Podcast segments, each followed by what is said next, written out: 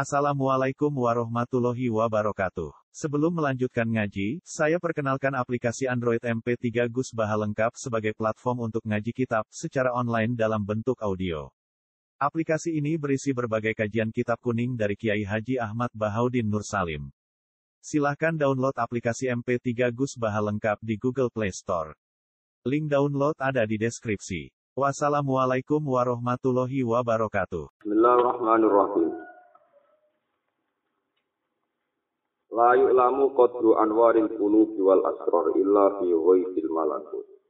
Kama la tazharu anwaru sama illa fi syahadatil mulk. La yu'lamu ora iso den ngerteni apa qadru anwaril qulubi, apa kadar pira-pira nure ati. La yu'lamu ora den kinawari apa qadru anwaril qulubi, apa kadar pira-pira nure ati. Cahayane. Wal asrori lan pira-pira sirine utawa rahasia-rahasiane ati. Ora iso dingerteni tenanan illa fi bil malakuti kecuali ning alam malakut sing gaib. Illa fi bil malakuti kecuali ing dalam alam malakut sing gaib sing ora ketok.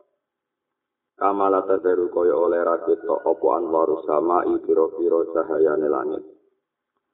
Illa fi syahadatil mulki kecuali ing dalem alam mulki sing iso disiksa iki illa fi syahadatil mulki kecuali ing dalem alam mulk sing iso disiksa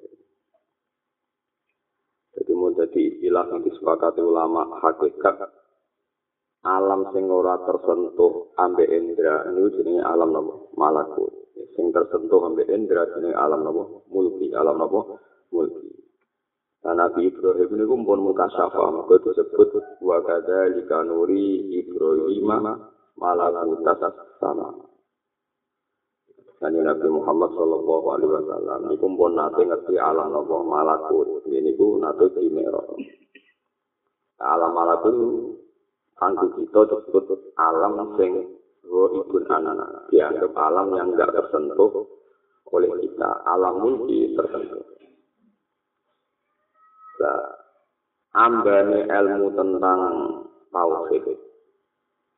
Jadi misalnya wonten yang tentunya ilmu tauhid itu dhuwur, pengetahuan dhuwur. Iku ning dunya rapati roh akeh kecuali engko ning akhirat. Ya mergo kadar dhuwure tauhid. Ya, niku nure ketok. Niku sebenarnya teng alam apa? Malah manane nang akhirat. Karena kita ngalami itu nak pun tidak mau akhirat. Nah alam mulki koyo srengenge iku iso padang ning alam mulki. Sebenarnya nurut tauhid itu anwaru tauhid iku iso padang ning alam nopo? Malakut. alam malakut sanggep ae kados alam akhirat. Nah, itu mereka diterangkan faman amanat bihi wa ta'afidah di nafsi hasolat indahu tilkal anwar. Tiang sing imane tenanan ilmune akeh. Ya sebenarnya yang akhirat itu untuk luwe akeh. Ya masyur mana disebut yauma taral mu'minina wal mu'minati nabu yas'a turuhum bayna aydihim. Dan tiang mukmin itu nure itu ketok Nah itu sebagian itu harus nur mungkin sampai saat terus sebagian ijek wis nurul sempurna jenenge yaquluna rabbana atmin lana napa nurun Jadi dimaksud Nabi Muhammad al fi qalbi nurun wa fi sam'i nurun wa fi basari nurun wa an yamini nurun wa an shimali nurun wa amami nurun wa an nurun. Dan Nabi terakhir itu mau alni nurun. Dan alam dunia kira pati ketoro. Mereka alam alam dunia itu ora cukup Gue ngadai alam ilmune ahli tauhid. Sing tetap jinten dan alam apa? Malam. Jadi intinya dewe lama ini sumber itu wong ketok nure tauhid. Iku roh kadar gak mesti ini ngenteni teng alam akhirat. Alam malakut sing kowe. Lah ada te Allah Subhanahu wa taala angger iso ditingali ning akhirat. Iku berarti kanggo para nabi khusus iku dikai hak zaman tentu. Eling-eling mung kok ide ulama, kula balik malih. Angger kanggo wong akeh sing ngenteni akhirat. Iku nak kanggo nabi, iku zaman tentunya mun dikai hak akses. Misalnya ningali Allah, ningali Allah itu wong mukmin ngenteni iki akhirat. Tapi Nabi Muhammad mun bersani Allah zaman tentunya dunia. Ini zaman peristiwa Nuh. Alam malakut wong mukmin ngenteni akhirat. Nabi Ibrahim zaman besok wis ngertekno wa gadhe dikanuri Ibrahim mamalaku sama. Suwargo sampean roh rasane suwargo yang ngenteni mati. Neraka yang ngenteni mati. Tapi kan Nabi zaman. Dia pun mati-mati dulu suwargo, pun mati-mati ningali nawa. Kemana alam malakut itu sumber kita ngenteni roh hakikote ilmu tauhid ngenteni ning alam. Ini jenis disebut nama. Lai ulamu kodru anwari ulum wal asror illa fi wajil mana. Orang itu ngerti ini. Mana kita ora bakal ngerti kecuali kok ngenteni fi wajil mana. Wujudan samara tikto ati ajilan kersa idul amin. Biwujudil jazai alihah ajilan. Wujudan samara tikto ati utawi metui hajile to'at, dua itu wujudan sama roti to'at, utawi metui iro-iro dua itu Wong tok dua itu ajilan yang dalam saiki. Maksudnya saiki disegerakan mana saja. Ajil. Ajil barang saiki. Ini mulai darahnya wong kesusu pun kok ajil saiki. Terus kan kau yang Quran mangkana yuri sulah ajilata ajalna lahu fiha ma nasa'u liman nurid ajil di mana? Ajilan tidak yang dalam saya. Wujudan samaro itu ati utawi metui piro-piro dua itu ajilan yang dalam saya. Iku basa irul amilina iku basa irul amilina iku jadi basiro itu jadi bisyaro jadi bonuse piro-piro wong sing lakoni amal apik. Wong taat kok ning donya terus keramat. Iku ora kok jate akhirat dikurangi mergo ning donya keramat boten, tapi iku sebagai bahasa idul amin sebagai pembuka atau pengerti nah bentuk bisyarah untuk sesenengan diwujud di jaja iklawan anane diwales. Alaiha yang atas itu atas ajilan yang dalam waktu sumber ajilan yang dalam waktu sumber Wasalin malih. Wujudan sama roti to'at utawi metu ikro pro hasil to'at ajilan ing dalam saya. Iku basa itu amina, iku jadi bisaroh kanggo tiang-tiang yang ngelakoni. Nganggo bisaroh ngekei pengertian berita tafsir diwujud di jaja iklawan anane diwales. Alih yang atas to'at to'at ajilan ing dalam sumber. Terus wonten wali-wali, wonten para ulama, rata-rata ning dunya ya keramat. Nah, nak panjang ini cek wali tenan ikhlas tenan. Keramat-keramat ning dunya iku basa idul amin sebagai bisaroh nak sok ben ning akhirat ya diwalas. Ora kok bisaroh ning dunya dadi walas ini teng akhir. Paham? Jadi tambah jadi pengertian nak diwalas ning dunya berarti sampeyan ya diwalas. Ya, ini sing kadang tiang-tiang disebut itu sing kondok rapati cocok sampai tiang-tiang tasawuf jadi brand terus Ibnu Abdullah akan dari ibu muridnya Abdul Abbas Al Marsi semua mursi. Abdul Abbas Al Mursi ini muridnya Abdul Hasan Al Asyadi Mulane layu rofu kot durutori kotus sayyidiyah illa tori ibni Abdullah akan dari Akhirnya Tore Koi Abdul Hasan Asyadi Niku rata-rata orang ngerti lewat Ibnu Abdul Kau Abdul Abbas Al-Mursi ini rapat Karangan paling populer itu karangan ini Ibnu Abdul Ini kitab hikam Jadi kasus pulau bebas Iber itu murid Terus hikam kalian Abdul Hasan Asyadi itu dalam pandangan Toreka Sajilia itu memang gue tenan ini pesimis gue tenan itu sangat penting Toreka Sajilia jadi nama kamu se nama orang nama kamu se pesimis. Misalnya Abu Hasan kita koi wonten tiyang taat teng donya terus ning donya keramat tamune akeh duwe akeh ning donya keramat santrine akeh. Iku mesti jabe bahasa iku bahasa air diwujudi jaza adil. Dan dianggap saiki enak. Ya dianggap bisa arah sebenarnya sebenarnya enak. Jadi ini memang khas atau kesajidan pokoknya. Pokoknya anaknya seneng wis masyhur mazhab Hasan Asy'ari pokoknya anak seneng bahkan pendapat beliau paling terkenal sak dunia ini. Ana wong salat so salat itu ana salah ora kumanina kekurangan bener. Nah, cara mazhab liyane wong salat ora kumanina, wong salat ora bener. Iku ngene-ngene ngene, pokoke kritik di salah-salah. Nah, Abu Hasan sadar gak? Suhudul minnati qalilul amali wa ja'al lafatan qalilul amali ma'a suhudul minnati minallah khairun min kathiril amali ma'a riyati taksir minan nafsi. Wong ana tenan wong ngamal dikil lah kira mati bener lah kowe ngamal dikil syukur-syukur bener.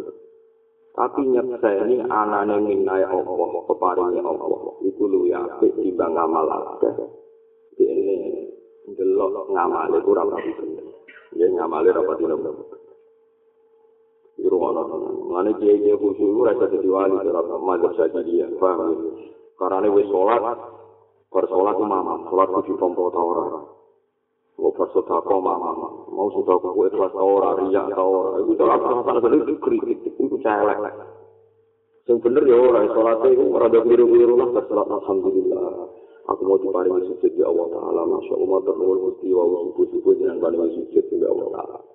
Bukan sodako ya Alhamdulillah mesti wa jangan paringi sodako Gak tau mikir kiri ya tau orang ujub tau. Solatnya di tombol tau orang panas ini seneng. Angger ngamal ape itu berarti suhu dilminati minau Iku luwe ape ini mbak ngamal ape tapi nyalang awakmu Mereka nyalah lagi berarti gak ada itu toko Biar mulanya sampai beliau ngendikan kan. Ru'yat taksir fil amal naukun minas sirri. Sebagian lapan malah sirpun. Uang kok dulu amal yang orang kurangi berarti sirri. Mereka orang itu berkotok. Jadi penak tore-tore saya Jadi dia ini pokoknya gue seneng aja pokoknya. Kita berjalan ngaji ngeten iki pokoknya ngaji wae. Ora usah tapi ngaji ra paham ora usah ora ngaji apa? Wis ora usah wae dhewe ati e tok di sing didelok lho ati ane gue dadi tore kok nopo sendiri ngene dawe Habib Alman Haji Sabi itu sinten sinten itu Habib Sinten Semit itu dawe Ore koe ke alawi niku Dohiru wa Ghazaliyah wa Batinuha Syahidiyah. di bapak kula sangat-sangat sadili mboten nate wasiat kula soal mazhab mazhab sadili ya ini sadili ki ngoten iki paham ya terus. Tapi nak sebagian tiang cara pandang ngamal akeh ning dunya kok mulai ana wales dunya iku kuatir walesan dunya iku ganggu walesan ning napa? Tapi nak teng mriki mboten. Dadi nak ana wong ning taat kok amale akeh kok entuk? Wales ning dunya iku jare basa irul amilina diwujud jazai alaiha napa? Ajila. Ya tapi pena jadi iki wong keting wali atau ki gede rapati oleh ya perkara. Ne agar ning dunya keramat dan ning akhirat. Tambah keramat. Mergo sing ning dunya iku mau bisa mau ngekek ngerti kuwi Tapi aja mbok mabuk mukhalafa, nak ning donya lara iku ya mau ngekek ngerti ning akhirat kowe. ya ya lara nang wis ora usah ngono. Senengane kok mabuk mukhalafa. Ya wong ning kene ora ono ngono, soalé ora ono ngono-ngono nang kowe. Ora di mabuk ya ora usah apa. Di mabuk. Jadi khas khas madhab sadiliyah. Nah, yang lainnya tidak seperti ini, madhab lainnya tidak. Di antara khas khas madhab sadiliyah itu, umume wong ibadah iku ora ngerti taksir iku ora apik. Sawangane sopan.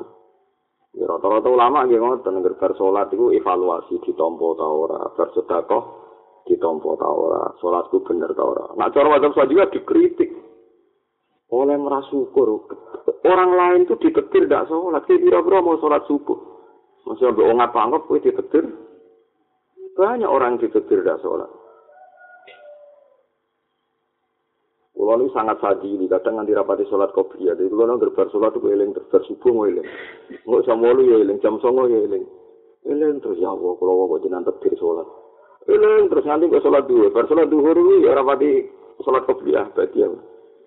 Tapi kulo elek salah, kulo lah ngakoni salah. Tapi eling terus, rasanya sholat itu eling, nganti asar. Lah nek kan ora, rasane salat kok eling baleni nabi nabi. Lha wong diparingi ora tau rasa eling. Lha iku elek cara cara kesal apa? Ana sama nek niru aku, kesok ora pati salat sunan. Aku rasane salat wingi cek eling nganti saiki. Iku cara cara kalau apa? Sadira eling terus. Jadi eling kalau misalnya nate sodako, eling terus ya Allah, jenengan nate maringi kula sodako. Wah eling terus. Iki cara cara kesal dia terus qalilul amali ma'a syuhudil minnati minallah khairun min min kasiril amali ma'a ru'yati taqsir minan nafsi. Jadi si amal sing kuwe nyekseni peparinge Allah hidayah Allah luwe apik tinimbang amal akeh tapi kuwi cek evaluasi ana taksir. Wajan rumah saku ya kurang ajar tenan, kurang ajar tenan. Cara aku bener kabur Hasan Sadali. Misalnya tak contoh no, Rohin, Rohin tak kayak saya ketemu. Terus kebutuhannya Rohin satu seket. Tak beli ya, Rohin tak kayak saya ketemu kebutuhannya satu seket. Iku apik sing langsung muni matur nuwun, Matur nuwun Gus jenengan kaya biasa ketemu. Oh saweneng, pokoke sementing seneng kok bisa ketemu. Ambek ruhin sok cerdas ini, wah sayang mau saya ketemu butuhku. Ini kan nanya aku. Kaya kaya bisa ketemu rano artinya mergo butuhe. Satu saya. Nah bodoh. Allah saiki maringi bahak salat subuh.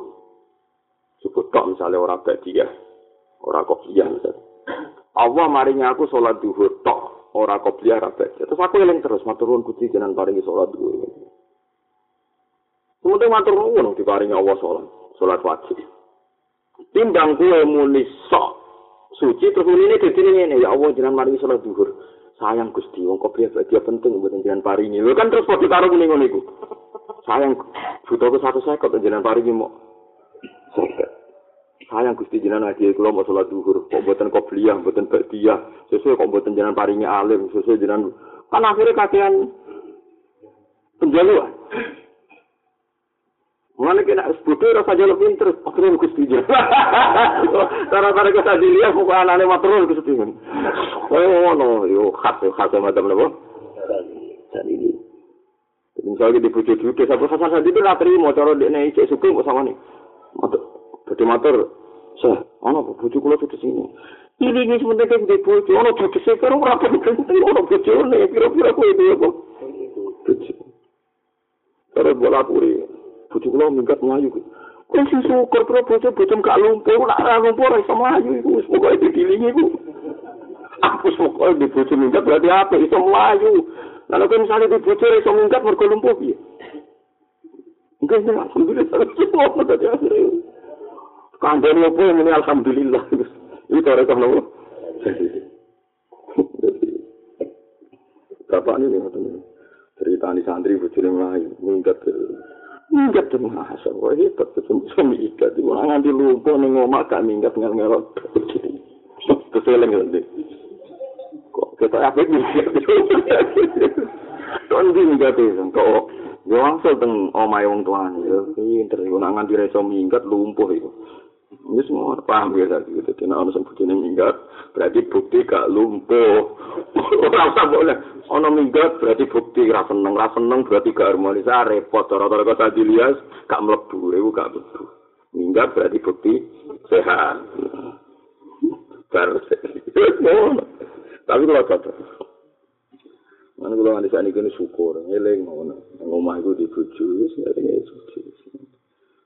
Ngerteko keng Yogyakarta nek ora kerja kok uji urip ora usah bae ono disambut ngene ora alhamdulillah jeneng eh salat subuh suwon nang sing salat subuh mau turu ya seneng kok cek turu kok misale rontok loro gak feron bojoku loro barang ngono to kok pada sadar iku kok nak nganti gak loro ra mirip sapa feron ngono terus Udah wamuk tenan, wamuk sadar iku masyur.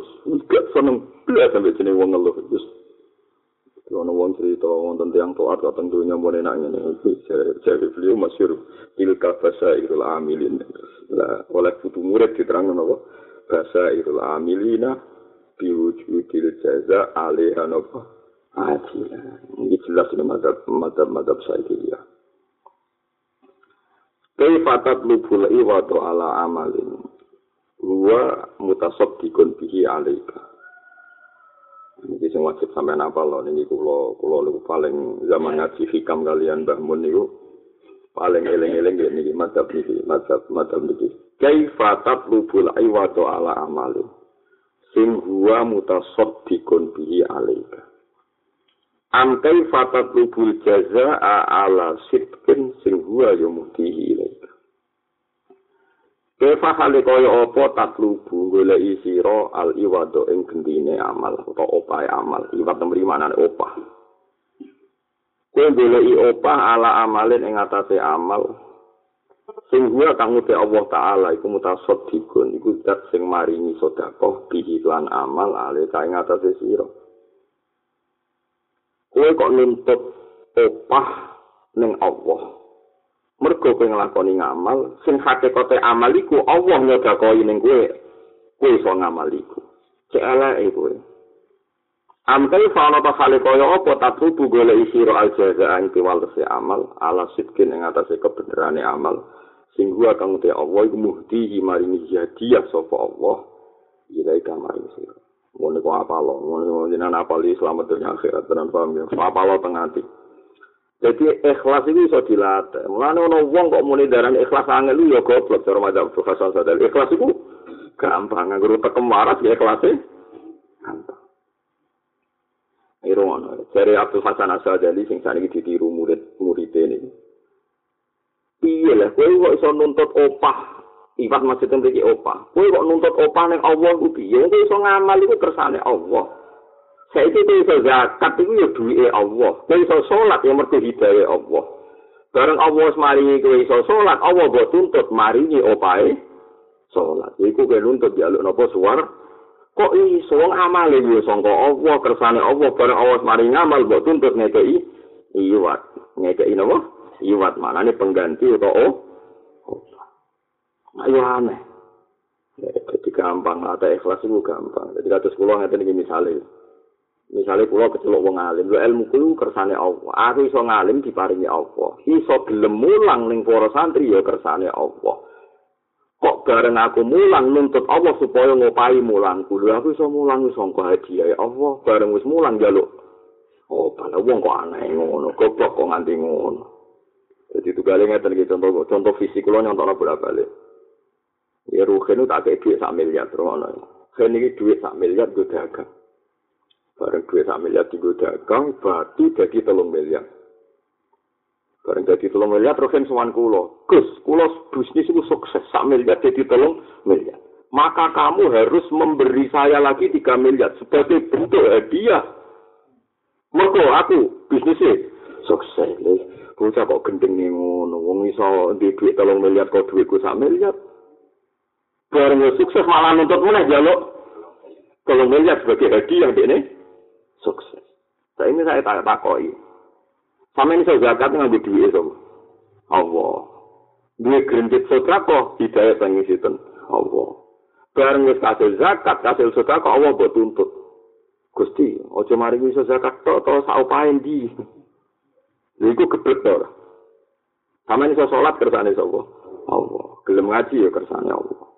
Bareng bisa sholat nuntut ya Allah, budi opai sholat budi. Iku mulane ditakono kaifa, kaifa ku aneh. Mosok kowe njaluk opah ambek amal sing Allah ngekeki hadiah amal lu ning kowe. Paham sih kalau maksudnya? Ayo mulane ku aneh. Wong kok ngono, wong kok. Paham sih kalau maksudnya? Jadi kan aku pengen latihan ikhlas sih ngoten. Misalnya kayak jadi wong alim mulang, mulang santri-santri sing ra iso salam tempel, ra iso ngekeki seneng kowe, yo eling ae. Aku ngalim ku ilmu saking Allah. Iso mulang yo kersane Allah. Aku zakat duwe ya duwe Allah. Ditetir kepengen zakat ya sing gerakno Allah. Saiki ya wis zakat ya wis alhamdulillah. Jadi ku madzhab Abdul Hasan apa asadari. Terus ya semua niku. kula waca sarai sing cerita murid cerita niku napa iku walidalika sadara muallif radhiyallahu anhu bi kaifa li juga kami dari kalwasi qala al-wasiti dawa so meniku sing mentengah-tengah qala al-wasiti radhiyallahu anhu mutalabatul a'wad ala ta'at min nisyanil fadli mutalabatul a'wadi utawi golek opah ala ta'at ing atase ta'at iku min nisyanil fadli sangka lali fadole Allah. Sangka lali fadole. Jadi misalnya kata sekolah nanti sebagai wong alim diparingi mulan.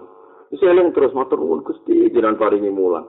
Matur nuwun Gusti jenengan paringi salat. Wis ngono nak aku eling fadole Allah. Eling anugerah Allah diparingi salat, diparingi mulan. Lah anak aku wong geblek Gusti, wong pun salat jenengan opahi, wong pun mulang lho jenengan opahi. luwung ilmuku sangka apa iso salat sangka apa bareng wis salat nuntut apa iku padha karo rugen tak modali sak miliar bareng tak modali kok malah nuntut meneh sebagai opae ya kok piye bertiga kok malah nun nuntut nah agar nuntut berarti lali fadole Allah. Mestinya sampai eling-eling peparingnya Wasilah Abdul Abbas bin Atta'illah an akrobi se'en ila maktillah. terus ana Abu Abbas ditakoki an akrobi ini lamaktillah sesuatu sing paling dadene Allah benci ni napa faqala ru'yatun nafsi wa af'aluha. Iku ndelok awakmu dhewe. Dadi misale salat oh kuwi salat banget. Misale sedekah kuwi banget. Pokoke tiap ngamal iku ngrasa kaya-kaya dekne sing napa? Ngamal campur-campur tangan hidayate Allah. Jadi sesuatu sing marakno maktune Allah bencine Allah ru'yatun nafsi wa af'aluha. Terus wa asyaddu min dzalika lan iku luwih banget min dzalika tinimbang ru'yatun nafsi mutalabatul a'wadi utawi nuntut opah ala afaliha ing atase nglakoni taat. Utawa ing atase prilakune nafsu ning taat. Ya lek tenan. Kalau balik ini malih tak contoh terus mau sampean tak kayak iki tok sitok ya. Sampean sholat kersane sinten? Allah. Iso sholat di hidayah bangking Allah. Lo Allah wis maringi hidayah sholat. Bareng kowe wis sholat malah Allah kok tuntut meneh. Padahal zat sing wis maringi kowe sholat. Ya mau itu gale mau, kowe tak kayak duit sak miliar.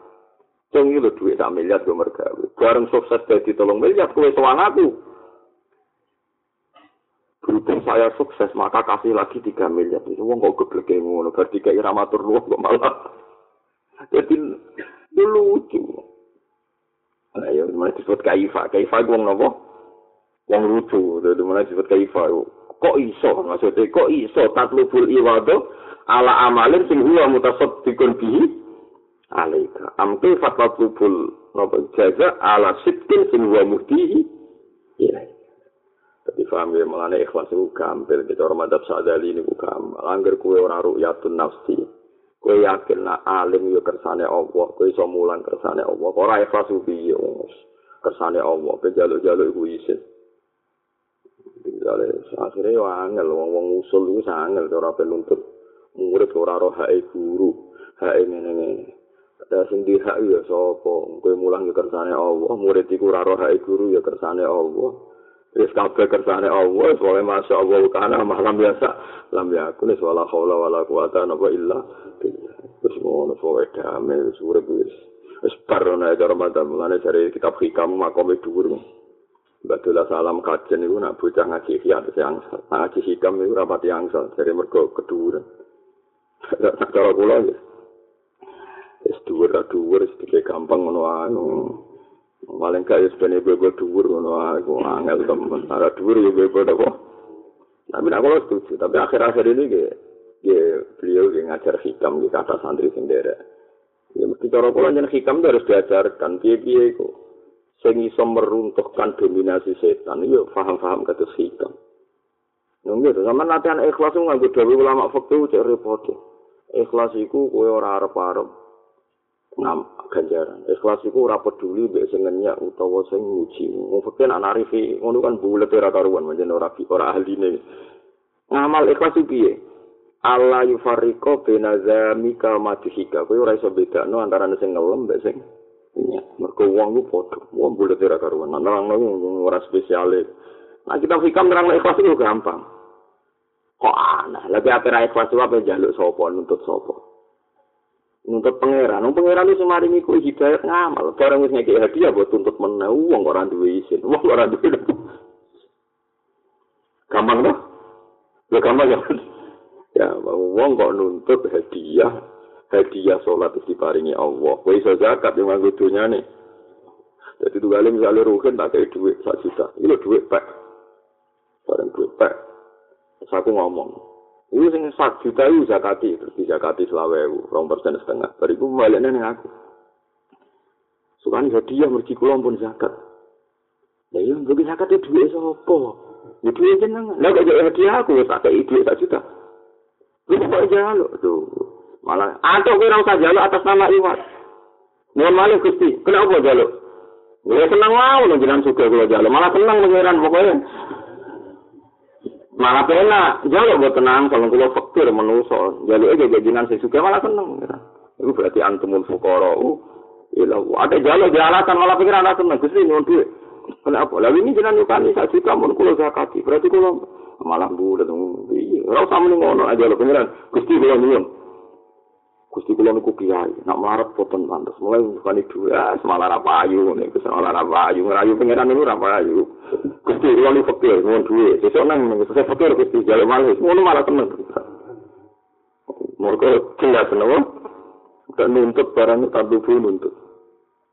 Difaham ya, lengi-lengi, soalnya tawarai caranya ya, sampean zakat, kersane Allah. Duit yang zakat. Apa? Kita lagi so sujud duit pengiran.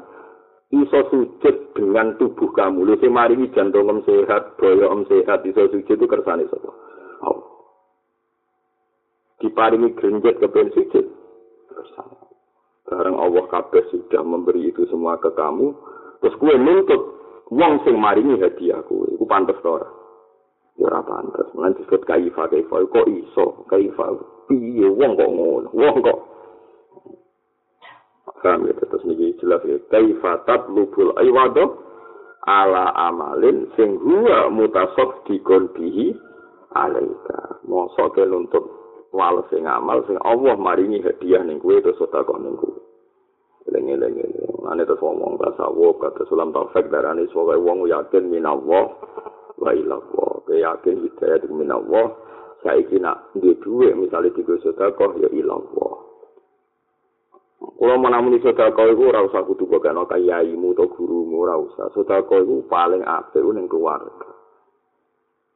Ki syukur-syukur to guru to kanca, tapi ngendika Nabi dinarun anfaqtahu fi sabilillah wa dinarun anfaqtahu sabruse terus afdaluha ajrun allazi anfaqtahu ala ahli.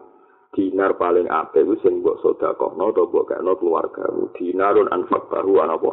ala. Jadi penak agama yang ngongkon sodako tapi ujung-ujungnya paling abdul sing tidak no keluarga.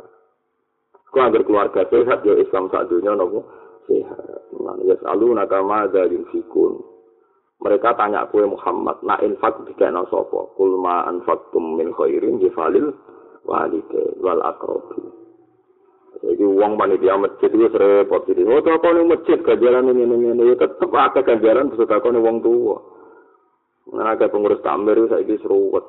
Sampai orang tuanya keren, sampai masjid seneng. Dari masjid dikakain, orang tuanya ora.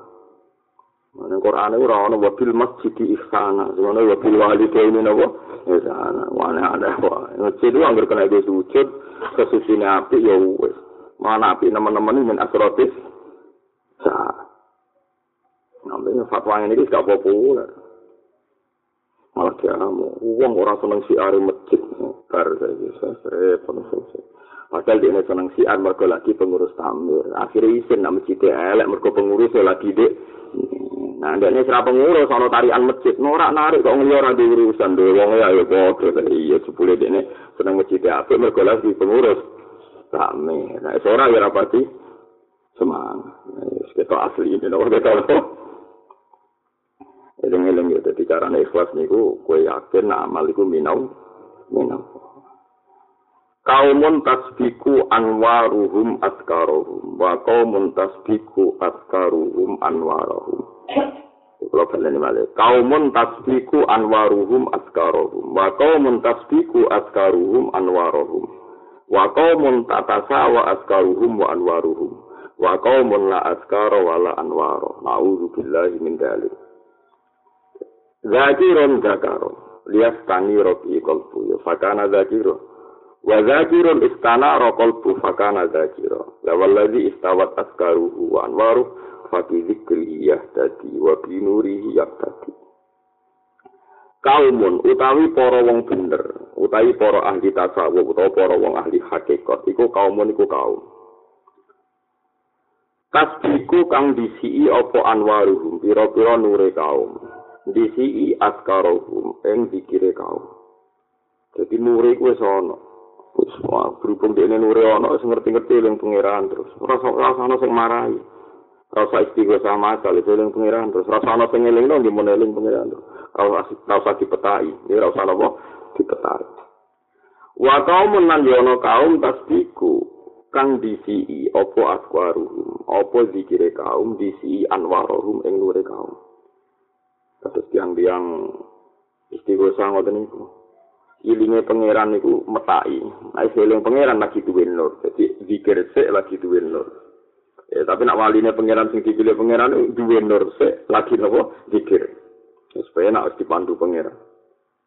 Jadi kemana kaya kue melaku melaku bareng peteng terus waduh kok gak gue sorot? Terus mulai jibuk sorot. Lah itu makom tiang tiang amatir paham lah nak tiang tiang si seneng pengiran oh racik peteng rap peteng gue pengiran sama nih sorot terus pemenang tuh jadi disik nuri bareng ono peteng ya orang tanya peteng gue sono nuri ngalor gitu gue nur nggak takoi apa ingat beriku peteng peteng yang dirarong kemudian itu sono ono nuri Dadi kok wong alim-alim sing para pangeran. Tak kok zaman wis rusak ngene ngene ngene ngene. Rusak ini ndi? Wong baru kaya dene mulang untuk opah kok pangeran, baru kaya mulang untuk hidayat. Tapi saat ini dunia pun rusak ngene ngene. Lah rusak ini ndi? Wong alim begane ngaji, bariku ape turu eling pangeran. Kiamah wa ku udah wala junubi. Wes. Kok misalnya roh maksiat ya langsung istighfar ning pangeran. Dadi anane nur tok. Dadi wong alim sing parek nur kaya wong gaduke iku ana sorote. Kaya tiang-tiang sing mlaku-mlaku tukang golek kodhok ngono. Gaduke dikai napa? Dikai sorot. Ah, bareng wis gawa sorot moro sawah-sawah ditakoki. Aja liwat kono peteng, dene mesti takoki petenge ning ndi, dene gawa sorot ngalor. Itu. Eh, kira-kira kaya ngono iku. Mulane wong umur iku wong ngalor niku, dadi ora petenge dene. Mulane karo wong alim sing wis usul wali-wali abdal tak niki atus sing urip kata. Nabi Khidir kita sebuah cara buat ceritanya.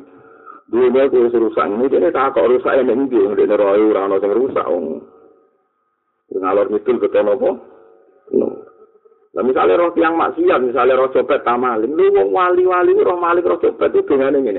Alhamdulillah alladzi afani mimmat tala kabi. Alhamdulillah aku rati coba koyo kuwe. Jadi pertama ini ya alhamdulillah. Ngoten to ngerti satu sih ana wong saleh ngerti wong nakal wak muni apa? Alhamdulillah kok aku ora dicoba ngene iku. Lah dene lagi peteng ning ndi wong roh apa wae dadi padang. Paham ya? Lah peteng ning wong ora tau roh. Peteng mau anane apa? Tapi dene wis rusak ke masjid ngene-ngene dene ya tur nuwun Gusti kok jenengan maringi kula ra melok, Mak. Iya, lha iku padang ta peteng. Padang. Lalu yang meneling maksiat, ya, banyak rontok ak, rontok koyok, jadi eling sejenis itu eling, paham ya? Wong mesti eling jenis itu, paham? Mau serusak agak wong nakal ini, wong eling terus berarti rontok sejenis, mereka wong ora iso eling sing ora nopo sejenis. Sampai wali-wali boten, pikirannya alhamdulillah kok aku diparingi maksiat. Lah kok misalnya dia terpaksa melok wali sing kelas-kelas melok nyuweping maksiat. Ya ono wali-wali sing tukang. Kowe ping masih alhamdulillah jenengan pari jinaki mungkar. Wis ngono terus pokoke anane alhamdulillah wis gunur ngalor. Nah, kowe sorotem karek, golek ini mau hilang, lha iku nyoro, ngoten iku nyoro. Terus dadi kaum tasbiku anwaruhum askar. Terus ana wa kaum tasbiku askaruhum anwaruhum elengse lagi golek mau bareng sepetengan lho, aku gak sorot lagi mulai golek-golek sorot. Yo nek ngomong tenan ora. Iku ya lumayan tapi piye-piye dadi golek indo. Terus Wako mengan ana kaum tak tasawa kang padha ku akaruhum pira-pira ilinge kaum ban waruh lan kaum. Dikire banter nure banter sekondang tenan. Ya sing elek iki wah kaumun lan kaum la karo kang ora ono dikir iku mujud wal anwar lan ora ono iku mujud. Sing repot iku wong petengan. Kalau aku ning petengan eling sorot yo ora, duwe sorot yo ora. Iku pikir usno enak menawa ora kepleset. Lah iku elek-elek wong. Wong ora dinur ora duwe eling. Iku cari sikap naudzubillah ibn dalik. Dengar ini muni orang tahu aku ngerti. Ki sinau hikam lagi kira ini muni naudzubillah. Wah, repot. Biasanya lah tahu. Mereka tanya ngelak wong-wong kok. Dia mau kaumun, la askar, wala anwa. Dia mau wis petengan rago sorot, ya eling sorot, ya eling nur. Pokoknya tetap ngaku. Ayo, naudzubillah. Dengaran dia muni ngono, naudzubillah min dalik. Nah, orang Jawa kan seneng naudzubillah. Boleh ku udah terus eling-eling. Terus saniki cerita malih. Zakirun zakaro lias fani rokok. Zakirun udah sebagian wong apik iku ana sing eling pangeran. Iki cara cara tenggene ilmu nahu niku musaweke iku letan we. Letan we iku mas muktada nakiro. Carane sah dadi muktada ana musawek. Musaweke iku letan we. Yen apa li taksum to apa li tan we. Zakirun utawi manusa sing apik iku ana wong sing eling pangeran. Zakar kang eling sapa zakir dia tani ro supaya dadi padang di iklan zikir apa kol duwa apa atine wong. Ya ana wong eling pangeran ben atine padang. Yo fakana zakir ana yo dianggep wong sing eling. Fakana moko ana sapa wong ku yo zakir dianggep wong sing eling pangeran. Yo ana wa zakir nang wong eling pangeran istana ro kang dadi padang apa kol duwa apa atine zakir. Yo fakana zakir ya lumayan ya dianggep nopo zikir. Jadi kue zikir ben padangnya ati yo dianggep zikir. ya. Dikir bening eling pangeran dianggap dikir. Tapi ana nang sing waladi lan wong istawat kang padha kok askaru pira-pira zikire wong wa anwaru lan pira-pira sinare wong. Zikire yo banter, anware yo banter. Zikire yo banter, nure yo banter. Karena iku fakir zikri mongko kelawan ilinge wong. Ilinge wong ning Allah ya dadi untuk hidayat sapa wong. Wa binurihi lan kelawan nure wong. Nure wong sing diparingi Allah maksudnya. Yak tadi iso iktidak iso manut. Nenggone dalan sing bener sapa terus kata ulama-ulama sing para para pangeran yang ngoten iringe Allah yo banter nure di nopo banter. Jadi yo wes iku kondang tenan itu terus. Paham gitu terus. Ini hikam mulai pada akhir-akhir cerita ngoten. Kalau terus akhirnya, maka nazohiru fikrin illa anbadini syuhudin wa fikrin. Oh, emang ada Abu Hasan Sadali itu semoga itu enak. Maka na zahiru zikrin, maka na ora ono po zahiru zikrin, opo zahiru zikir. Iku ila anbadi nisyuhudin, kecuali songkon jero sing nyekseni kekuasaane Allah. Wa fikrin nan songko mikir keajaiban kekuasaane Allah. Ono wong kok zahiru zikir, berarti jelune zikir. Pokoknya penak hikam, itu nong wiridan banter, dan kebaik jerone yeling pengira. Nah, cara kitab-kitab liane kan ora. Cangkem medok banter, atine lali. Kita iki kok penak. Sithik itu. Ada orang bunga-bunga eling Allah, cangkem bae atine yo. Eling Allah. Nah, cara kitab liane kan kok. Banter itu cangkem jerone. Ka, nah kita pikir kak, maka nagori rusikrin, inilah anbatini syuhudin, mbak Jadi makan orang nopo zahiru dikir zahiru dikir iku ilan batini syuhudin kecuali sangka batin sing nyekseni kekuasaane Allah. Wa fikrin lan mikir keajaiban kekuasaane mate mikir. Jadi ngeten lho pokoke hikam nggak dalil ngeten. Iki lucu aja Abdul Hasan Sadali ya lucu lucu nih wong alim. Kulin duru maga fis samawati wal ardi. Ngono Adina laka antata fakkaro lima ada kulikot hadil awalim. Jadi adina laka walam ya dan laka antakifa ma'al makhlukun. Jadi aku faham, faham, ini kalau riwayat secara makna, secara riwayat makna. Allah iku ora ngembarno kuwe manggon bumi. Mergo bumi iku benda mati ya. Rungokno bumi iku benda nopo mati. Iku kowe ora oleh wong kok mikir manggon bumi. Tapi sing perlu mbok pikir kena apa kowe kok manggon bumi. Lan kena apa bumi ku kok dadi ning ngene iki. Mergo Allah ngutuse kuling duru maza. Ya kuling duru maza fis samawati wal Kuwi ngucap sira Muhammad, "Ku guru angen-angen sira kabeh, maza iku ana apa fis samawati wal ardi?" Jadi orang kok kowe delok bumi sebagai benda mati gak maza. Kenapa bumi diciptakan? Kenapa langit diciptakan? Maza ada apa ini? Kuling duru, maza. Allah Allah ora dawuh kuling masih sama tapi kuling duru maza. Ada apa ini? Paham ya? Ada apa? Ya ada niate Allah gampangane ben bumi digawe wa ma jinna wal insa illa liya'bud. Jadi kuling duru maza fis samawat. Jadi Allah itu ngutus kue itu nak ketika ketemu wong ya ada apa? Ada apa yang bermarai mikir. Itu disebut wa yatafakkaru nafi khalqis samawati wal ardi. Akhirnya nyimpulnya ngendikan biar Rabbana ma khalaqta hadza batila. Paham ya? Jadi jenenge mikir.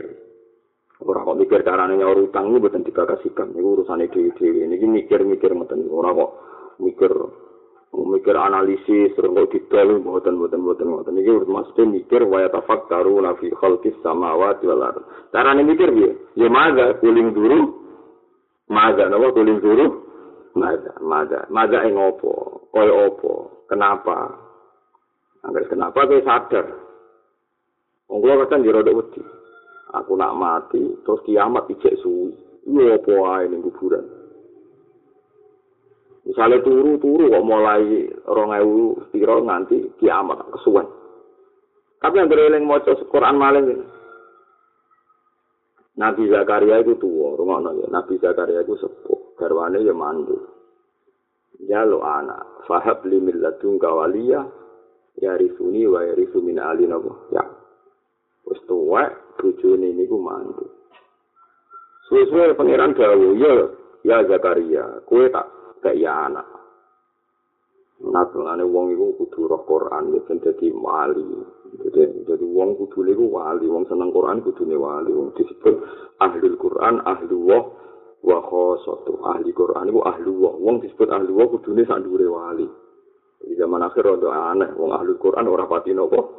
Wah, ya aneh itu. Tapi berhubung akeh, akhirnya ke aneh. Wah, berhubung akeh, akhirnya buat apa? Aneh. Nabi Zakaria itu jalu-jalu itu yang pangeran.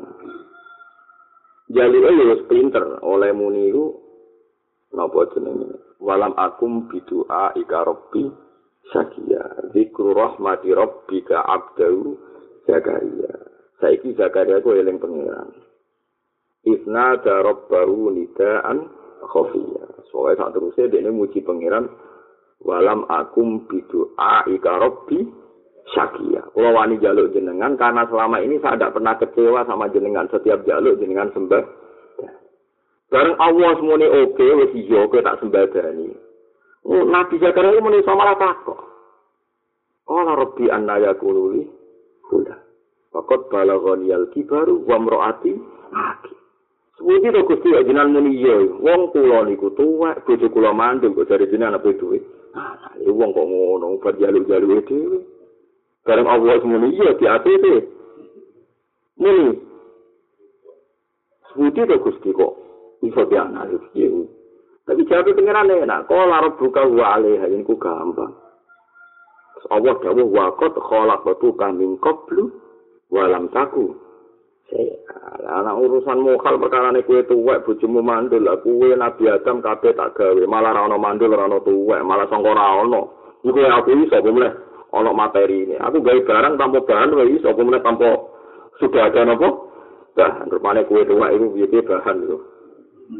Bahan produksi napa? Anak. Kue terus ngoten. Aku nak mati. Terus ngenteni camat tak suwe wopo. Nyatane ya cepet. Cepet saya kita eling-eling. Saya kita wujud mulai saya sangat ngatus hitung pulau. Cara lahir wujud. Padahal Nabi Adam niku ana zaman dhisik. Mani kula nutfah kula ana ning alam zar zaman Nabi sinten? Ada. Lha iku cara teng alam zar dikandani iki sok ben wujud ngenteni nek suwi mulai Nabi Adam nanti sewu sangang atus pitung puluh. Nyatane itu ya tenang ae, ngenteni atusan tahun ya tenang ae. Eh opo jajal itu pasti ku opo. Wes kakean pola kaya roh. Ora roh, ngerti-ngerti ratusan tahun kita lalui sampai lahir ning dunia. Dunia ngrameni sedelo Nggih, 70 tahun piro ngrameni utang macam-macam lali sing gawe tapi eling BPKB macam-macam dilalekno pangeran sementing ora PKI paham wis pokoke eling wis ana sing kepengin nempuh karir ana sing kepengin wayah ana sing kepengin urip tenang semacam-macam kepinginan. Ora kepengin dunia agak suka sementing tenang lah tenang ngopo nanti karep kesampaian gitu dari kalau suka tenang-tenang ngopo nanti karep ganti asem ngono ngomong kelakuan kok ngono terus kowe mati Bareng mati pengen tani kiamat di wopo. Ya sebelah ya raro kaya kowe kok nabi Adam mati saiki sebelah. Ngerti-ngerti disebut hal ata alal insani fi minad dahri lam yakun sayam maskur. Wis ngono cara. Lah kowe kudu mikir, urip kudu mikir nggih Gusti. Kula riyen ra ono dadi ono atusan taun ya kok ora ngerti-ngerti ngerti ono. Somben ra ono meneh. ngenteni napa dia dia nyempur ngoten nah kadang kula mikir ana mati ku opo Ajane ono nek kowe kepengin sing eling terus. Nak mati ning kuburan disiksa, kowe eling terus kaya iso turu. Ora kok berturu. Berturu tutuk angger turu. Iku eling wae ku malah nyoro. Ajane wong saleh kan ora. Barek takoki mungkar nangkir kon turu iki wis bae. Kon turu. Suwe turu kok. Wis gue turu wis. Berarti turu mulai mati sampai. Ya tapi itu jangan lebih suwi koyok turu muning zaman Adam, Adam zaman Rano, mulai Nabi Adam sampai saiki. Kowe ngrasa suwi to ora? Ora roh. Nah, saiki spermamu ana mulai dhisik tak dadakan. Ana mulai dhisik. Kowe digawa ngalor ngidul Nabi Adam. Sperma sing saiki dadi kowe kegawa zaman Nabi Wong kabeh iku mesti nggawa jus sangka Nabi sinten? Adam disebut wa iz akhadha rabbuka min bani adama min zuhurihim dzurriyyatahum wa asyhadahum ala anfusihim. Alastu bi rabbikum. Qalu ya jadi kuwi dhisik tau melok dialek. Disebut piye carane? Pokoke alam dari Nabi Adam sak anak putune sing ngene gegere. Ya mergo nak wong lanang napa jenenge? Sperma utawa dzurriyyah atau gen manusia itu nak wong lanang digawa teng budi geger men disebut wa if akhoda rabbuka min bani adam min zuhurihim. Dzurriyyatahum wa asyhadahum ala anfusihim. Terus Allah takok alas tu bi rabbikum pasti kowe baca qalu Bar muni kala terus kowe ra wujud nganti saiki ngerti-ngerti saiki lahir. Ya karek muni napa? Bala. Paham gitu? Anu kalau nak mikir kiamat itu gampang nganggo pengiran. Jadi nganggo nano, kalau sering teori nano nano nih, jadi angka angka sakwise sentimeter sentimeter saking deh sampai 00, senti sampai nano nano sangi sore meneh. Saya ini sampai tak beda. Allah nggak manusia itu sama sak miliar gak, mulai nabi ada manusia itu sak miliar gak, lebih kan. Dunia saya itu kabarnya tolong miliar, yang gini satu es nyumbang tolong pulau, tolong atas juta. India mau dunia saya ini sekitar 3 miliar atau 2 miliar. Saya bayang gen orang 3 miliar, mulai Nabi Adam sampai kiamat itu pirang miliar. Semua gen itu oleh Allah dipadatkan ning Nabi Adam. Jadi Nabi Adam sitok itu nggawa gen anak putune minhu sangka Nabi Adam ila yaumil. Niku pangeran oleh gawe iku piye? Wong sak monace diringkes ning wong sitok. diatur siklus populasi ini ila yaumil angel dia kiamat angel iku cara foto-foto angel bareng lahir ke duwe karep ono sing kepengin dadi presiden ben PNS ono ben magang Nah sing tuwek mau ben ayam laya-laya putune ngekek dhuwit macam-macam. Wah malah aneh meneh wong tuwek karepe tengok-tengok anak mapan ngeteri dhuwit. Terus karepe putu sehat-sehat dene mau karek nyangoni karep kok ngono. Terus ambil tua ini tetap duwe nopo. Pengiran yo nuruti. Jajal angel ta ora? Wangel. Iku pengiran. Lah iku kudu pikir maga, kuling dulu maga. Nanti kalau iki eling dikandani kiai kiai kula. Hak urip iku yo diutang yo oleh tapi aja akeh. Kau wong gak kacan utang ora kok pangeran, men mikir utang. Ora mbok pikir kudu sama utang wajib nyaur. Mbok pikir dadi ya Allah kantuk nggon perkara amen mikir apa? Utang. Mana utang wis akeh-akeh. Sale sak kula ya 10 juta lah, 20 lah. Nek sarugen ya 200.000. Pokoke sing kira kuat nyaur. Pokoke utang sing kira-kira. Ora sing duwe sak miliar diutange ya sak miliar 100. Ora sing 2 miliar ya 2 miliar 200. Pokoke kira-kira ku bisa kuat nawa. Kowe nambah terus-terus ora kok bermikir pangeran, paham ya ora kok bermikir apa? Eleng-eleng ya dadi alamate wong apik ku mikir. Maksudnya mikir wa wa yatafakkaruna fi khalqis samawati wal ard. Utawi sekian ayat tafakkur fi kuling zuru mahda, ya kuling zuru mahda. Mahda iku ono apa fis samawati wal ard. Ora wis ana kabeh nyimpul wa ma khalaqul jinna wal insa illa liya'budun. utawa nyimpul rabbana ma khalaqata hadza dan iki terus kula terang niki asyhadaka min qabli ayyastasidaka asyhadaka maringi kesaksian sapa Allah taala ka ing sira Allah maringi kuwe itu duwe kesaksian sing apik min qabli ayyastasidaka sedurunge njaluk saksi sapa Allah ka ing sira Allah itu maringi kuwe beberapa perangkat sing dadekno kuwe iku nyekseni kekuasaane Allah. Rawis penak. Fala tokot mongko ngucap bi ilahiyatihi kelawan peng kepengeranane Allah. Fala tokot mongko ngucap bi ilahiyatihi kelawan kepengeranane Allah. Apa azwairu pira-pira alam dohir. Nah, itu enak kue urip ning dunya. Ora njaluk kepengin nyekseni Allah wong kowe geblek kepengin murid terus mangan turu mangan turu. Lho kowe ora njaluk iso nyekseni Allah, ngerti-ngerti disediakno sarana Allah sing dadekno kowe eling Allah. Iku jenenge asyhadaka min qabli ayat tas kita. Fana papat mongko ngucap bi ilahiyatihi kan kepangeranane Allah apa aja iru pira-pira barang sing ketok. Wa tahak kokot lan dadi nyata bi ahadiyatihi kan keesaane Allah. apa al-qulubu pira-pira ati wasara iru lan pira-pira sirri pira-pira sari roh rahasiane ati Kue nyatane ilingi Allah, Allah Gusti kula paringi mlebu swarga, Gusti kula lindungi saking neraka. Lah kue munamuni Gusti iku bukti apa? Bukti njaluk Allah. Kue njaluk Allah tok, berarti kue bukti ngesakno Allah Subhanahu wa taala. Mane kena jalo, ora usah ambisi disembadani. Kowe njolak jalo apa? Iku paling gak dadi bukti kowe ngesakno Allah Subhanahu wa taala. Nyatane sing mbok jaluk namung Allah. Iku disebut wa tahaqqaqat bi ahadiyatihi al-qulub was sarair. Nah kadang-kadang wong pikiran aku jalo ora tau disembadani. Lho kowe muni muni jalo Allah, berarti kowe mengesahkan Allah. Nyatane sing mbok jaluki namung.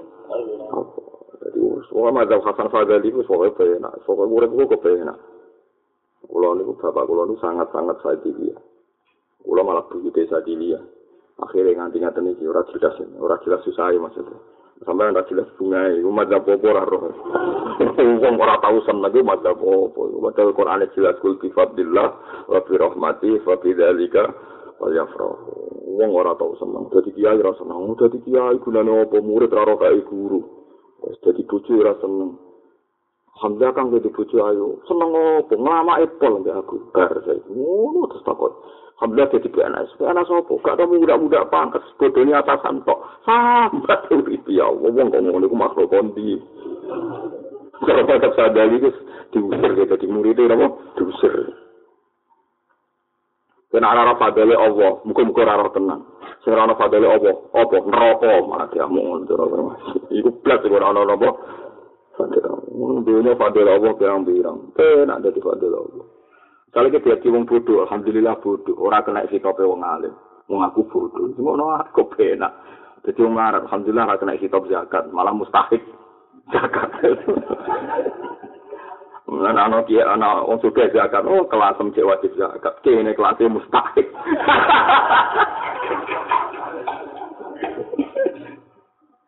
Nah, misalnya ke budi, wis ngono, sambil budi. Kus pak wong alim repot, mulang neraka kene kelas karen ngrungokno.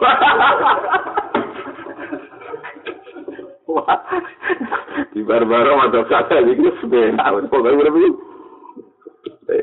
Bojo ngamuk ya ngono. Tenang ya, skono kangelan ngamuk, mikir kata-kata, mikir ngungkap lo kere pelak, kare apa? Utangku paling muring-muring salah lah opo ya ada muring-muring bareng. Anggap delok orasi ilmiah. orasi ilmiah tanpa teks, no? orasi ilmiah tanpa apa? Teks. Udah seneng kok repot. Itu kulo sering takok kulo. Kulo nggak ngamuk sekali-kali balas itu. Kenapa kulo? Malah sih dia malah seneng. Orang geruang untuk pidato ini yang akhirnya saya iso ngamuk baru kayak kulo motor itu saya kira iso ngamuk akhirnya yo ngomong nanti kok iso mamu yo saya iso ngamuk entek tek siap taruh ngono tapi tapi lah bujuk ngamuk kok yo ngamuk akhirnya kan saling berlomba caranya memenangkan pengamuan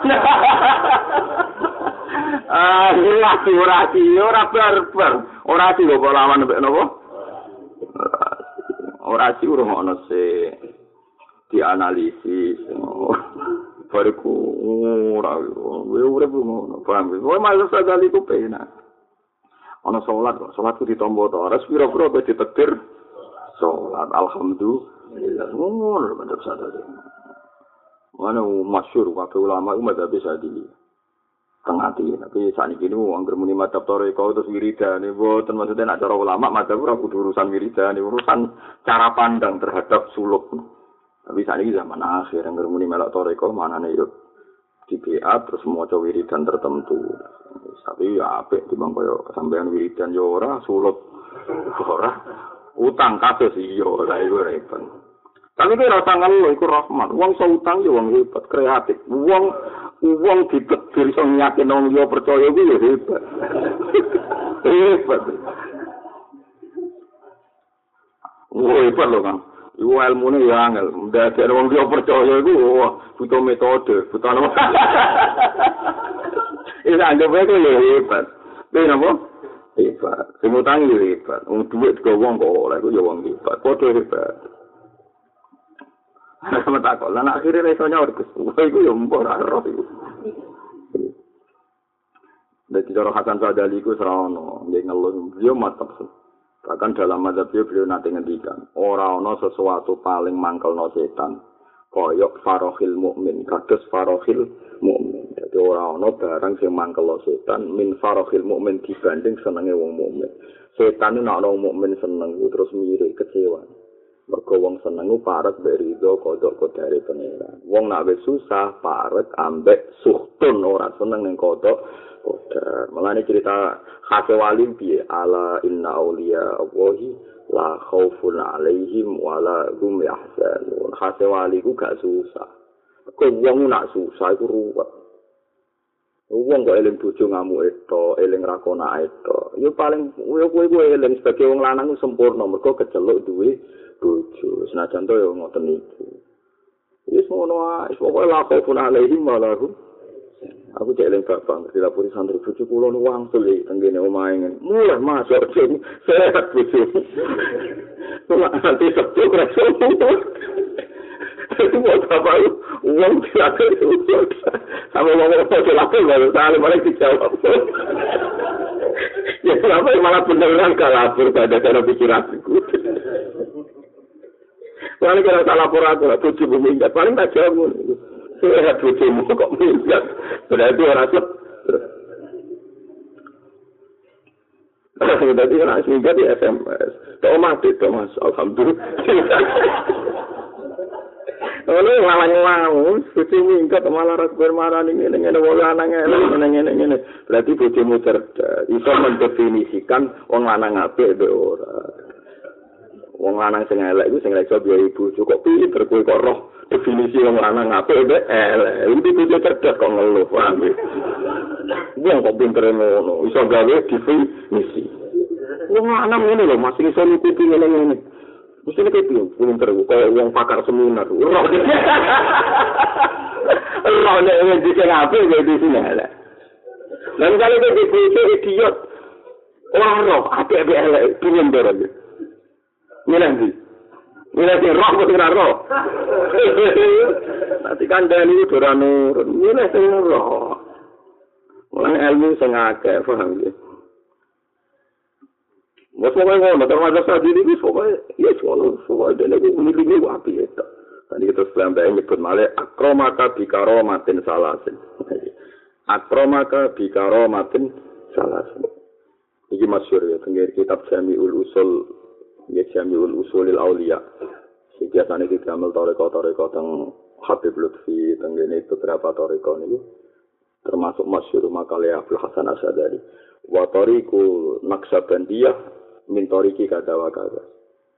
Wa toriku koderiyah min toriki hunyah.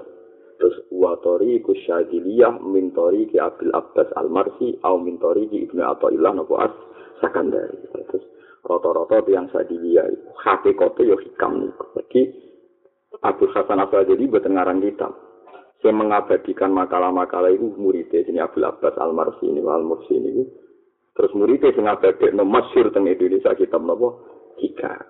Terus ana wong berlebihan dari ini madhab atau iya. Madhab napa? Atau iya. Mereka sing aran hikam niki Ibnu ilah. Nah, saat ini cara ora pas, mesti pas ini hikam ya mbak nginduk napa? Sadili. Jadi yang kasih tidak ono hikam ya aine kahanane madhab napa? Sadili. Tapi fil ilmi ya. Tapi zaman akhir wis ngoten niku. Dan iki dawuh hikam akromaka bikaromatin salas. Akromaka mulya ana sapa wa taala ka ing sira bikaromatin lan pira-pira kramat salasin kang telu. Allah maringi kowe di kramat telu. Wong mukmin sapa wae. Ja'ala gawe sapa wa taala ka ing sira gawe zakiron ing wong sing eling lagu maring Allah. Pira-pira kowe diparingi eling Allah. Walau lafat lu umpama ora ana te fadole Allah lam takun mongko ora ana sira iku ahlan iku dadi ahli li jarayani dikrihi maring mlakune dikire Allah ale kae ngatas sira. Kowe sing syukur, pira-pira koyo kowe diparingi eling Allah. Senajan to eling perkara Allah bali fatno nyaur utang, tapi piye kan eling Allah. Umpama ora ana fadole Allah ora bakal ditetir eling. Oh, dadi pokoke ora ana cara macam sadali. tapi carane eling salah, carane salat salah ora sira eling ngono pokoke dene kok. Semua lo modele kok niku pokoke. Mau aja geman kayak misalnya di bucu Melayu, matur kabur khasana saja, mesti dijawab ngono. Melayu dong, sehat dong. Pokoknya sing matur, demen cilik no. Melayu dong bucu mulai, wah sehat kok mulai. Saat ini mau tengok main, Masya Allah. Tuh, alamat, pinter berarti roh. Roh main. Kami kerasan tong mriko, Bah, nak tenggen kula ora kerasan. Kok pinter iso beda nanti sing iso ngrumat be ora. Tapi melok kowe ora ngrumat ya melok wong. Tuhan iki kudu seneng di bojo-bojo kok pinter ngono. Bojo lho. Pinter. Ngerti melok kowe ora enak terus melok sing enak. Bojo kok pinter. Yes. Lah kok ora sebudi, Bah. Dosen syukur wong kok di bojo. Pinter. Bar. Ana psikolog sing kados kula ora ana tak warai yo cuma manut ilmu nang kampus terus. Wae wae ana sosial solusine. Wae digoleki solusi yo ngene iki cus tenan iki solusi.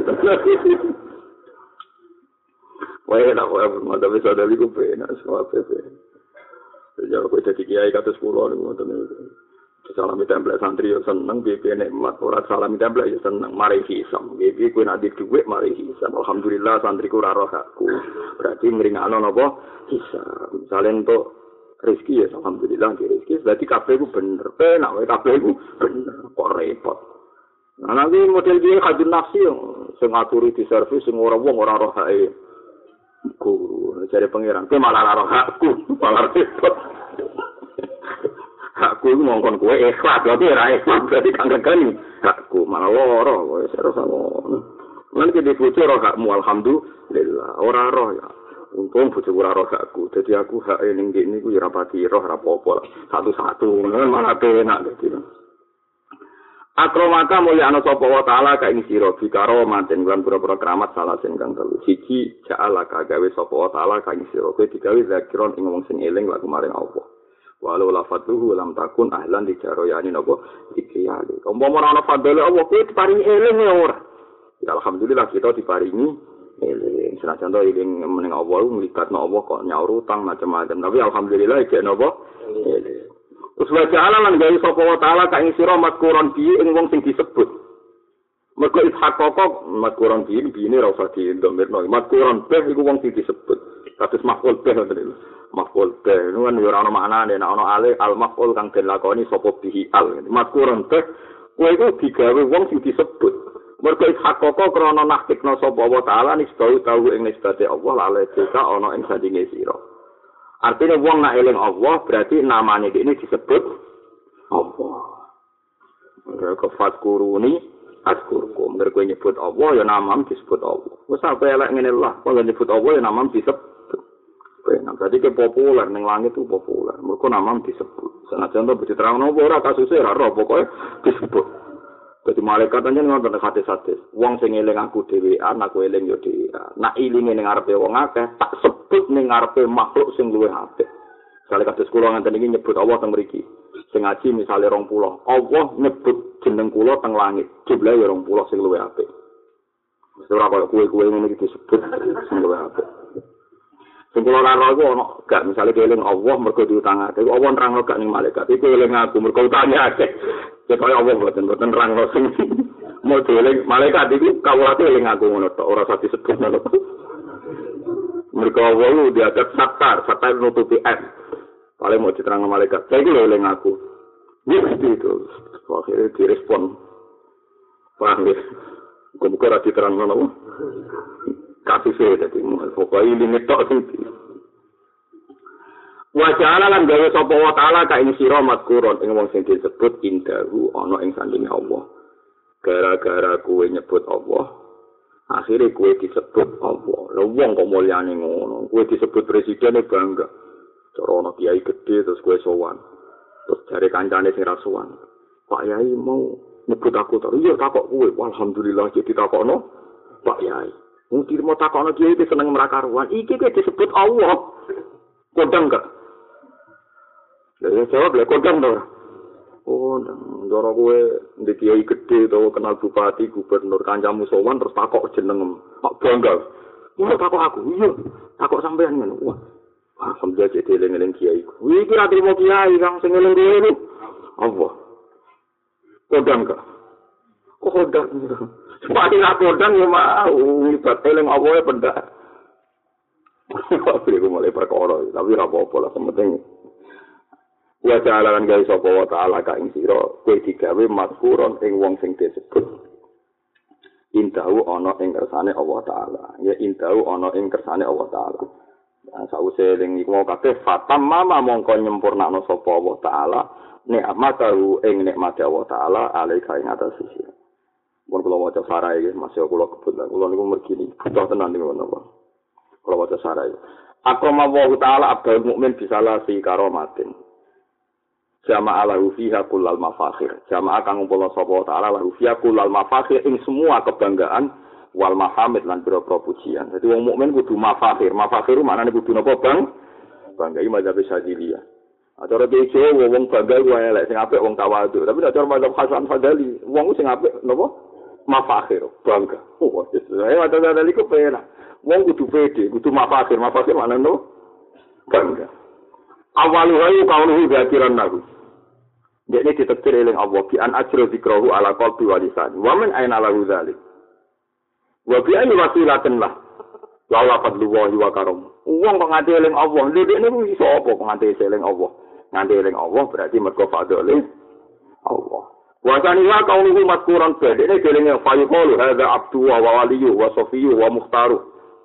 Wa dzalika bima akramahu wa ta'ala min tahqiqi nisbati ilaihi. Wa ya isbatul khusyal. Maksud kowe eling Allah, ambek malaikat-malaikat dikomentari, hadza abdu wa iki kawulane Allah tenan kok ilinge Allah. wa waliyu iku waline Allah tenan wa sofiyu iku pilihane Allah tenan wa muhtaru wong sing dipilih Allah Iku sak dene iku melihatan wong garat tok piro wong garat iku piro jasa sing suga-suga sing ganteng-ganteng. Sak mono iki diparingi goblok kabeh eling Allah. Kowe kriting elek utange akeh eling Allah. Mesti wong garat ra jarani wali dijarani wali yo. Kowe wong kowe sing eling Allah. Tapi kowe ora usah bandingno mbek. Berarti Mas Ari no wali-wali sing tenan ya bandingane wong barat se urutane. Senengane kok banding no sing muka level. Senengane kok masuk ngono wali ke sing ngono mikir iku kok wong Eropa sak menaje wali pangeran, wong Amerika sak menaje wali pangeran. Kuwe trimo kuwe eling.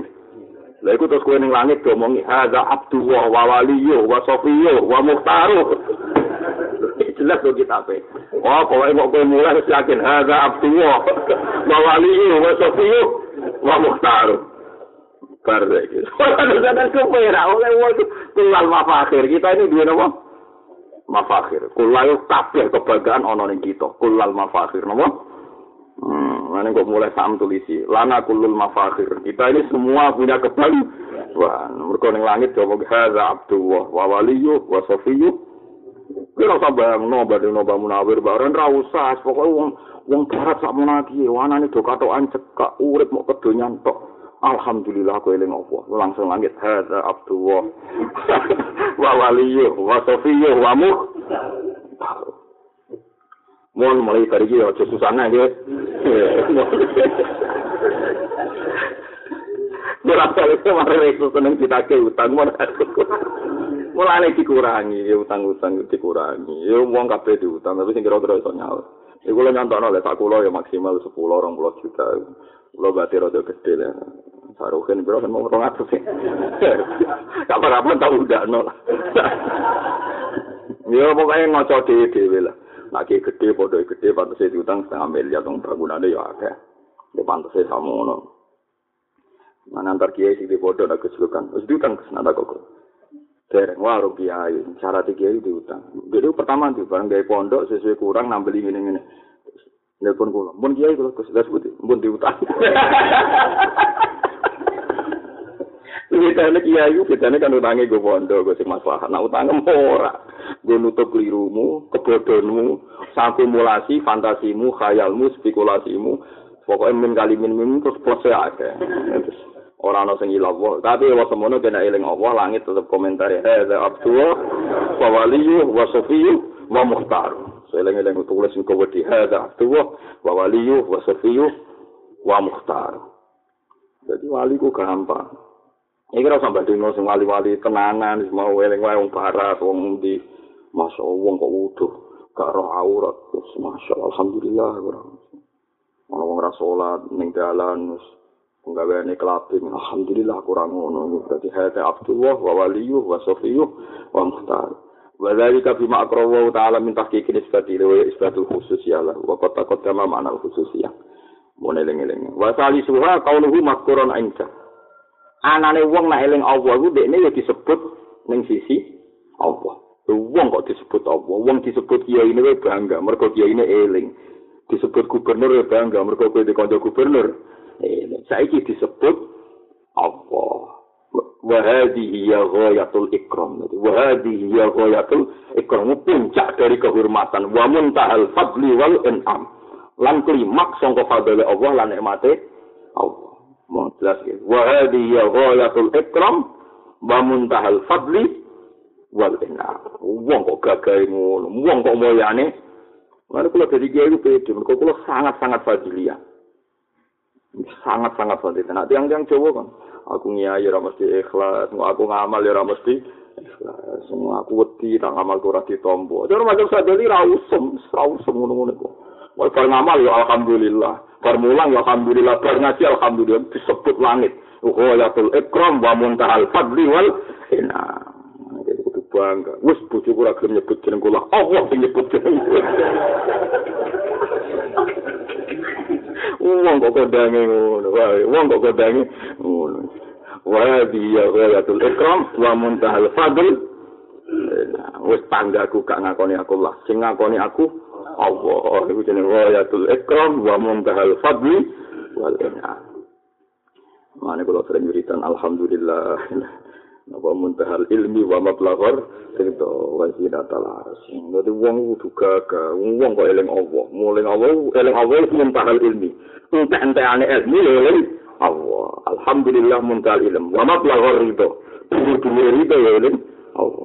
Alhamdulillah bil al mizan wa muntahal ilm wa gitu. Terus wazina tal arsi. Alhamdulillah jadi pepaya si aras. Termasuk pilih barang jadi pepaya si aras gara-gara disebut neng budi aras. Menawa malaikat hamalatul arsi ben kenal kue gara-gara Allah menyebut kue itu sapa iku. Dadi dene kepengen kenal deh kue. Ojo Israel tok sing kenal.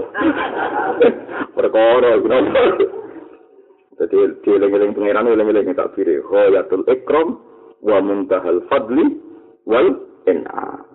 Qala Allah Ta'ala wala zikrullahi akbar. Utawi oleh eling Allah ning kuwe ku akbaru luwih gedhe. Kila maknahu zikrullahi akbaru akbaru min zikril abdi lil Allah nyebut kuwe ku luwih akbar tinimbang kowe eling Allah. Wong kok disebut Allah. Wis jelas ghayatul ikram wa muntahal fadli wal in'am. Wong ya terus kula suwun iki ngaji tenan gitu kula suwun pun. Dunya pun kacau ngeten iki. Kue nak susah, kue khawatir kulo. Wong maksiat wae iso seneng. Mosok kue wong soleh buat apa? Seneng. Wes kue nak rasa seneng dekati ora itu be kodok kotor. Jadi awal awal rasa seneng nyerempet ora itu be kodok. Niku sirine kulo nu anggere diceritani nyon sewu misale duwe santri rada bulet atau dulur rada bulet. Kulo nak diceritani ora pati krungu, ibu ora krungu. Mergo mare ngeling-eling kekurangan. Eling-eling kekurangan mare ra itu be kodok. Kotor. Imam Syafi'i nanti ceritani dulure bulet napa-napa nyulir rapati dirungokno. Ana sing protes. Gimana nek diceritani ngono ora rapati ngrungokno aja. Al kayyis muta'amin mutaghafil. Wong pinter sing rada micet. muta'amin rada apa? Jadi al kayyis muta'amin mutaghafil. Jadi syaratnya wong pinter kudu micet sithik-sithik. Lali sithik. Jadi kula misalnya diceritani.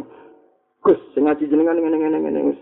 Wis beberapa krungu. Pokoke bangsa ora bener-bener kuwi beberapa krungu. Lah diceritani, Sing ngaji jenengan Gus eling ngopo saiki disebut arasu. Sopo iku? Jadi kalau tak eling-eling dhewe Safi al kayyi muta'amil mutafawid. Jadi wong pinter wis ya rada micek sithik-sithik, rada lalinan sithik-sithik. Moga jane ku mau krungu sing bulet-bulet. Ora kok perkara, lara peneliti saya kan. Harus dievaluasi. Ini ada apa? Rumang sare nek evaluasi masalah selesai blek keblek. Asal cek dulu, ora bakal. Harus dianalisis akar masalahnya di mana. Lah yo tidak goblok kok gelem. Harus dianalisis akar masalahnya di mana. Terus kita urai satu-satu. Mbok kono saune ini. Kalau wali lagi itu lagi Apa mereka terus menyelesaikan masalah? Cara mereka ngurai masalah selesai di Indonesia sudah mulai bisa. Mulai zaman Pak Karno, pakar ekonomi sampai mengurai satu-satu. Sampai saya ini mulai mengurai satu-satu. Nyatanya ya orang-orang pun. Orang-orang bulat tambah sulit apa. Ada wali orang. Ceritanya ekonomi sedang lemah. Setelah sekarang lemah aja imane mbek syukure iku aneh-aneh wae. Iku wajar wali iki penak. Sekarang lemah ya syukure aneh-aneh wae ngono. Ekonomi lemah. Tujuan turun wis ora dipikir. Turun ya arep muda ya arep. Anak muda gampang tuh dulu. Tapi tapi kalau sudah itu nonton murid itu tuh iwak neng pasar. Ini ini kadang-kadang di dua ilu tuh, kadang di tiga orang. Berhasil aku genetis itu terkenal nih. Tong tuh iwak. Walhasil mau tiga di sepuluh ribu misalnya iwak neng pasar itu regane lima belas ribu. Kemudian wali kan rego Murid itu ya marah pisan kan nambahi ora gelem bodoh. Wong si kongkon dia ini barang kurang ya kok penak betul. Pak Yai asane kurang dadi ora entuk. Iya, largane piro sing saniki muda 15000. Ya ora ngono gawe murah. Iya, lima belas ribu sepuluh ribu racu kok malah gawe murah, gawe murah mana nih rasa tuku. Tapi wali itu dua dua itu lucu lucu. Wong kan arah kuat ya kayak murah kayak murah ya rasa. Ini mau larang, ini kepengen tuku. Lah nak tuku itu kan murah sama larang. Jadi wali di sini pun betul betul orang-orang. Allah karim. Lah saya wong menjadi wali tapi nafsu nih. Tuh. Penak tuh. Beliau wala berfirman.